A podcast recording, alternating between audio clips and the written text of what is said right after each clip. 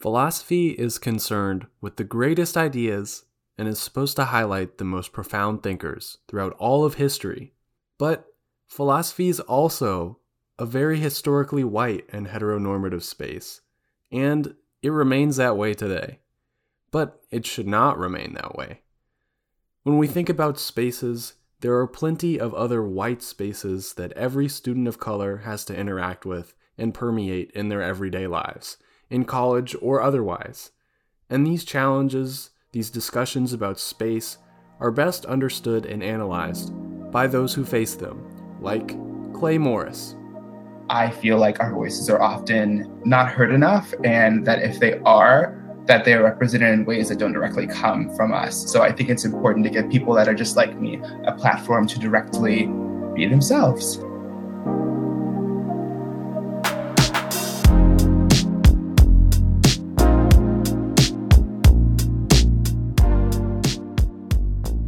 Welcome to Chapel Phil Clay. We're happy to have you here. Just for our listeners, I think they would love to hear a little bit about you.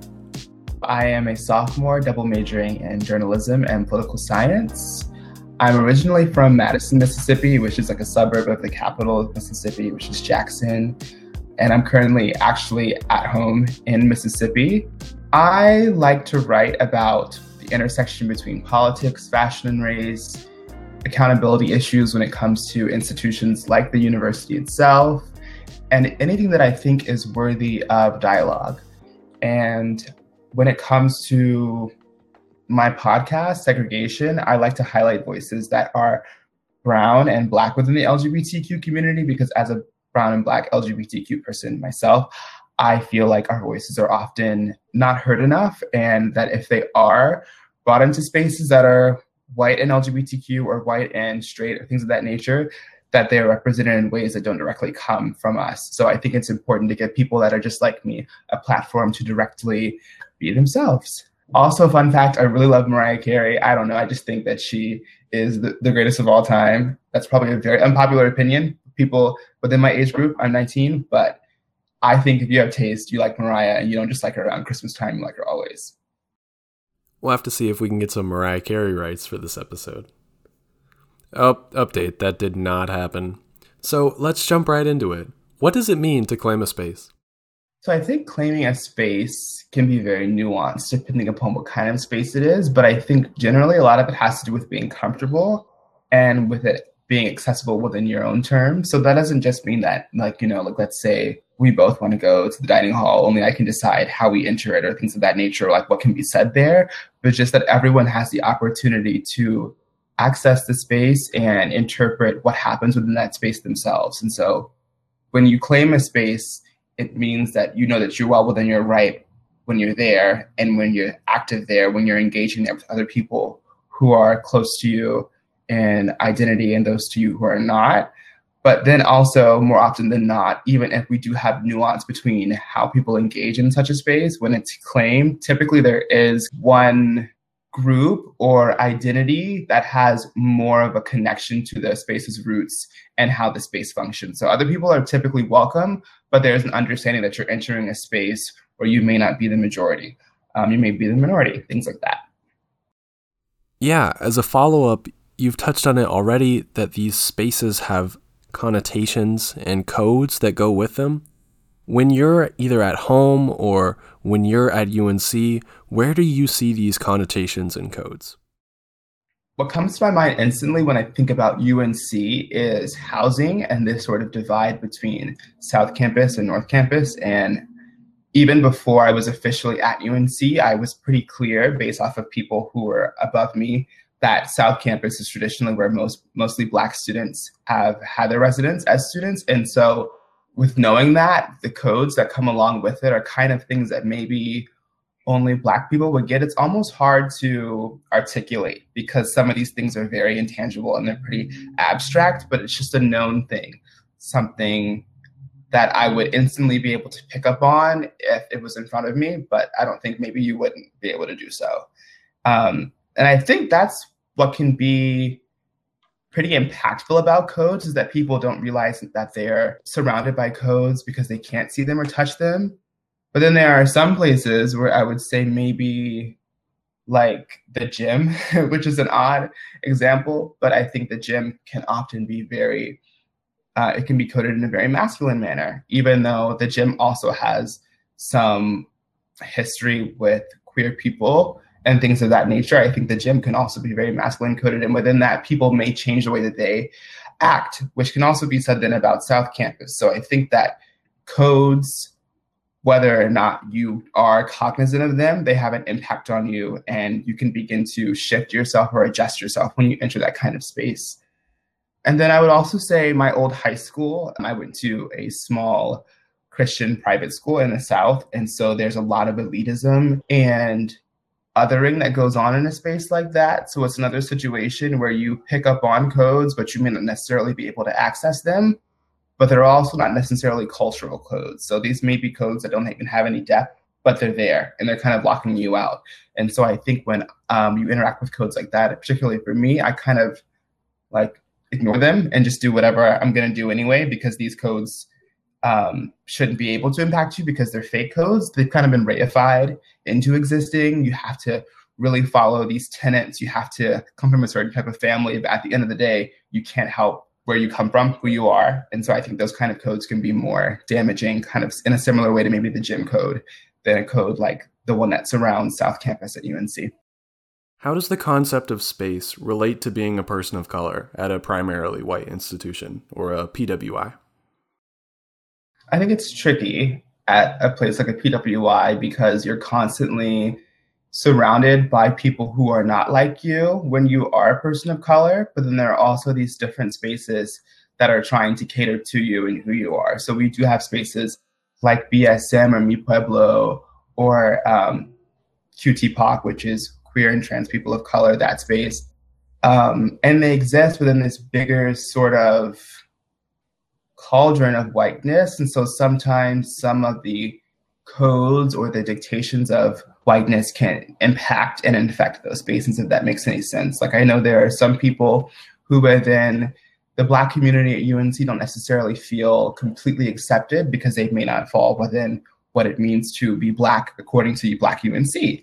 And that typically to me, what I pick up on hearing that and seeing that is that these different spaces are accidentally or unconsciously feeding into their larger surroundings or this kind of Western and white context that everywhere else is stuck in. So like it's a big amoeba, but only the smaller spaces that people of color are a part of can kind of pick up on the difference between the two. Because I think for white people, it's kind of all seen as normal or just one big space, and that these other groups like Black people or South Asian people, etc., they exist but it's still UNC. But I think that it's very clear to people of color that there are sections and divisions, and that these divisions have layers that people that are not a part of these groups could never be able to pick up on. Um, and I also think that at a PWI, it's tricky to be a person of color because people are also trying so hard not to infringe upon your space. And I can just mean that literally sometimes, like maybe people touching your hair, asking you too many questions about being black. That can just be weird, to be quite honest. And so sometimes people are overreaching or doing too much in an attempt to not offend you. And so then that's another way of bursting your bubble or corrupting your space, but it's not the traditional way, so people don't necessarily get it. Let's take a step back for a second. Who are some people that you have looked up to or have been trailblazers that have allowed you to flourish? Well, if we're talking about UNC, I would definitely say Ruth Samuel, who's going into her senior year. Um, she's actually my mentor, which may make a lot of people go, that makes a lot of sense because I think in a lot of ways Ruth and I are very similar. But from the moment that I met her, she was very honest about UNC and some of the nooks and crannies and crevices of different types of cultures here that they may not tell you about at orientation when they're dancing in front of you, you know? And I think her being that honest really allowed me to take that honesty with me when I evaluate the different spaces that I go into and the different people that I interact with. And it's taught me that it's better to be honest with yourself and other people about what's happening around you than to act like it's not happening, because I think that can happen in these bigger spaces like a PWI, especially if you are a person of color or a minority. It's easier to say, well, if the majority is ignoring it, then I won't say anything. But she's always been very clear about having to speak up. And so I think that's been very helpful because UNC is a big school. So your voice can get lost, but people definitely know who Ruth is, despite how many students we have at the school. And that's because she's honest. I would also say um, two of my friends, Patrice McGloin and Bailey Benson, and they're both women of color and they're also sophomores they've been really helpful in understanding kind of who I am when no one else does, if that makes any sense. And because of that sort of cushioning or ability to indulge in who I am without being afraid of it, I haven't been scared to just engage with the space in the way that I naturally would, because often people put on airs or they're really scared and focused on respectability politics, but they let me know that my ideas and how I react to things, even if to other people it may seem abrasive or unorthodox, it's just as valid and it has just as much depth. And so I appreciate them for doing that. And then, with that same regard, there are also two people who I think have a very sure sense of self. And so, being surrounded by people like that, again, kind of reinforces the ability to keep your feet on the ground in this sea of people that's just constantly swimming and adding new people every year.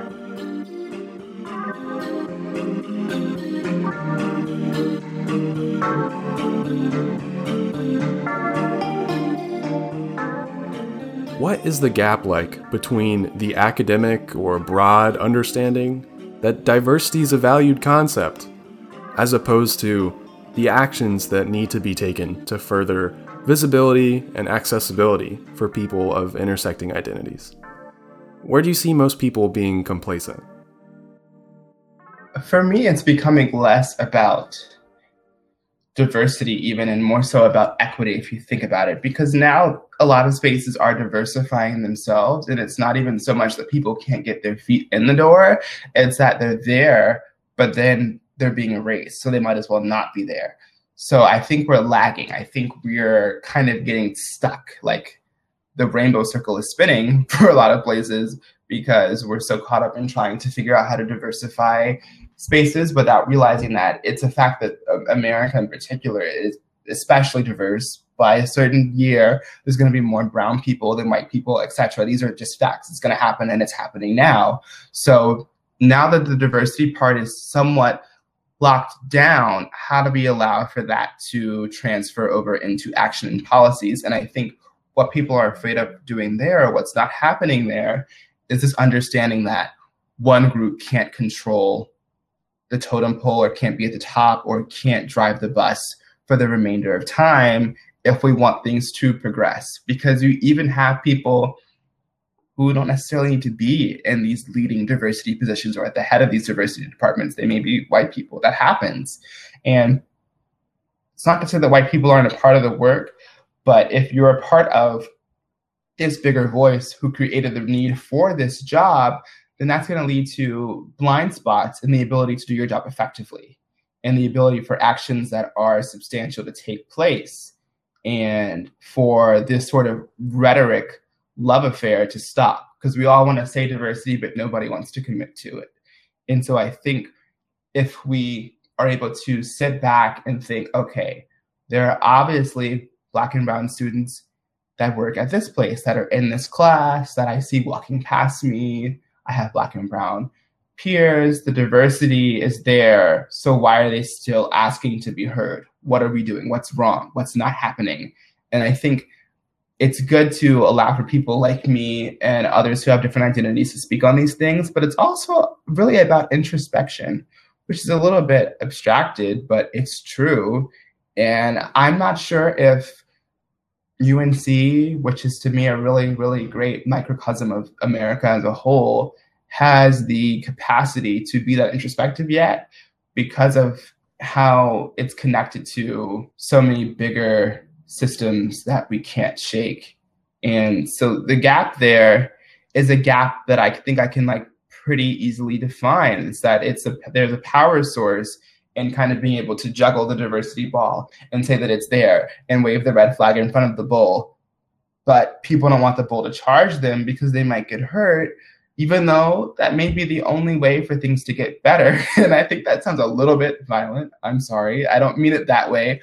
But what I'm saying is, I think there are risks that people don't want to take because they know that it's going to be a detriment to their identity.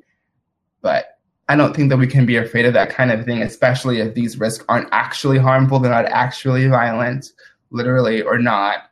They're just outside of the norm. And they're afraid because this norm has been so helpful and so good to them. So it's good to talk about changing the norm, but actually doing it is too much of a big step. That's like diving into the deep end. That's like, we won't actually do that. We'll just talk about doing it. And so I think this gap is that fear, that fear of actual change and actual progress. Talking about actual change means also talking about obligations. What obligations do PWIs have towards students of color to ensure their safety and potential to flourish? It's taking me a second to collect my thoughts because I think that the onus really is on PWIs to ensure their safety and potential to flourish. And I think that at a school like UNC, um, it's very easy to get caught up in the whiteness and the normalcy that comes with whiteness because most often those voices aren't in need of the same amounts of protection or support when it comes to potential for flourishing or just safety in general. And so the school can say, well, if this sector of the student population is okay, this other group should be too. But I think you do have to compartmentalize, which is what a lot of PWIs are afraid to do when it comes to students of color because they want to kind of follow a color blind path or focus on diversity and inclusion. And when they do that, they're kind of emphasizing things like diversity of thought or the idea that what makes us um, diverse really is at the end of the day that we're all the same. If that makes sense, these really like twisty and loopy thought processes that at the end of the day allow for Black and Brown students to keep getting hurt in ways that can sometimes be physical or um, ideological, even. So I think that they have to sit down and do the work to really look at how each group exists on their campus. And I think a place like UNC, which is very historical and which has a lot of recent history in terms of, you know, Confederate like violence popping up near Franklin Street down in that area. I think a school that like literally has those kind of threats often, they have a specific obligation then to really make sure that they're looking after specific groups and that they're speaking out enough. It's not so much enough to release a statement or an email. It's more so of a policy thing because I think we all know that statements are pretty hollow and that statements will not help you from the scary men on Franklin Street with Confederate flags, um, just to be frank. And so it's a matter of taking these things seriously and not just assuming that these students are going to be able to fend for themselves, even though many students of color do engage um, with these issues one on one, they really shouldn't have to. And it's typically done because the school isn't doing anything about it. So I think that the school um, really has to take these things seriously. I think a lot of people talk about how we have Carolina alerts and how we get them for weather, but we won't get them if there's someone dangerous um, on campus or down on Franklin Street again. Like it takes either a while to get those or we don't get them. Someone even created a whole different system called like racist alerts at UNC. That you, yeah, it's separate from the school though. So even that kind of juxtaposition is enough to make clear that the school isn't taking these kinds of things seriously when they're just as much of a threat, even if it's not a universal threat necessarily. So even though it may be impacting a certain group, directly immediately, it is going to leave a bigger stain on UNC and how UNC's culture processes if nothing is done about it. Let me know if this question is itself a, a dead cliche, but from your experiences and different works, what are common challenges that you face because of your intersecting identity? Well, I think the question would be a dead cliche if people like weren't still doing problematic things that were directly impacting certain people's identities. And you would think that this wouldn't happen in 2021, but to also assume that it's not happening is very foolish and intellectually dishonest. Um, I know as a journalist, for me, sometimes it is tricky to see people who are not black or brown reporting on these issues. And that doesn't mean that I want to be pigeonholed into only having stories like that. But it also means that I unfortunately know that a lot of my peers are not well versed enough in these identities or in these sort of happenings to cover these things, but they're constantly kind of popping up to do it. And I think that there is sort of a, a harm that happens when you have this kind of eagerness attached to things like the news or whatever other kind of journalism you're focusing on, because then it allows for those voices to maybe drown out voices like mine, who maybe do know, and people will go to them as authorities, even though they obviously shouldn't be. Um, and I think just as a student, particularly as a black student, but then also maybe a gay student, I think it's that kind of very weird and common example of misogyny sometimes crosses over when I have male teachers that are white straight men, even though I'm not a woman, I'm a man. I think they sometimes treat me the way that they would um, students that they students that are female or that they uh, think are more feminine, femininely coded. For example, in one class, a teacher asked a question and I answered it pretty thoroughly. Like I, I cited like evidence from the text, and the teacher just said, "Okay." And then another student who was a white male literally repeated back what I said, but also not as good. Like there was no, he didn't cite any evidence. He just said what I said in like a dumbed down version. The teacher was like, okay, this is really good because this explains. And everyone in the classroom was like, I know we all just saw that happen, except for those two people who both happen to be straight white men. And I think that just kind of goes to show that these codes that we kind of spoke to earlier impact you, even if you're not directly connected to the code, because I'm not a woman, but I am a little bit feminine. And so these things are still cross applying to me and they're still impacting me um, and I think that generally the biggest trend between what I was saying about journalism and being a student, and I don't want to be a broken record because I used this word earlier a lot, but it's listening. I think people aren't listening to themselves when they talk because I think that that teacher had that moment played back. Hopefully, he would have been horrified to see what he just did. And I don't think people are listening to people like me literally, but also when we say in spaces like journalism that objectivity is dead. You shouldn't be telling people that they can't tweet that Black Lives Matter because it's going to impact the value of the newspaper when some things are also just a fact because they're so they're still so caught up in these sort of white ways of being and inhabiting these spaces and these codes that we keep mentioning. So I think once we get rid of the power that these really terrible, now reified ideas that were originally fake have on us, we'll be able to move past these really bad occurrences that are what some people like to call microaggressions. I just call them aggressions. no point in calling them micro. Um, we'll be able to get rid of them then.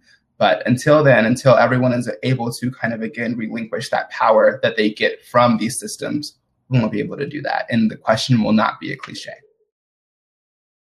And finally, if people want to support you more, where should they look to find your work? Well, you can go to my portfolio, which is claybmorris.com, and then you'll see a wide array of the different work that I do. It's mainly my writing and then my podcast, which is called A Segregaytion, but the gay is spelled like G A Y, if that makes sense to you guys. Um, you can Google that. It's available everywhere. And there, that's where I talk to a lot of my brown and black LGBTQ friends about issues that impact us directly and you'll hear more from me and my opinions about diversity. And also, if you don't want to go to my portfolio, um, you can check out my work for the Daily Tar Heel. I typically have articles that come out weekly, and I think I've been assigned some pretty interesting stories so far, and I think I've been bringing a little bit more of perspective to the stories that I write than maybe other people have. So you'll maybe learn about typical UNC things, but I'll be bringing additional context that maybe you wouldn't think you would get from the paper usually. Thank you so much, Clay, for your time today. As a note, you can also hear Clay on the Cultured podcast if you want to hear him talk more about fashion. That, along with Segregaytion, is accessible wherever you normally get your podcasts. And, dear listeners, we hope that from Clay's words, you've garnered a better understanding of what spaces can mean, what spaces you interact with, and what things go on in these spaces at UNC. Please join us in doing some daily introspection, and thank you for listening. This has been Chapel Phil.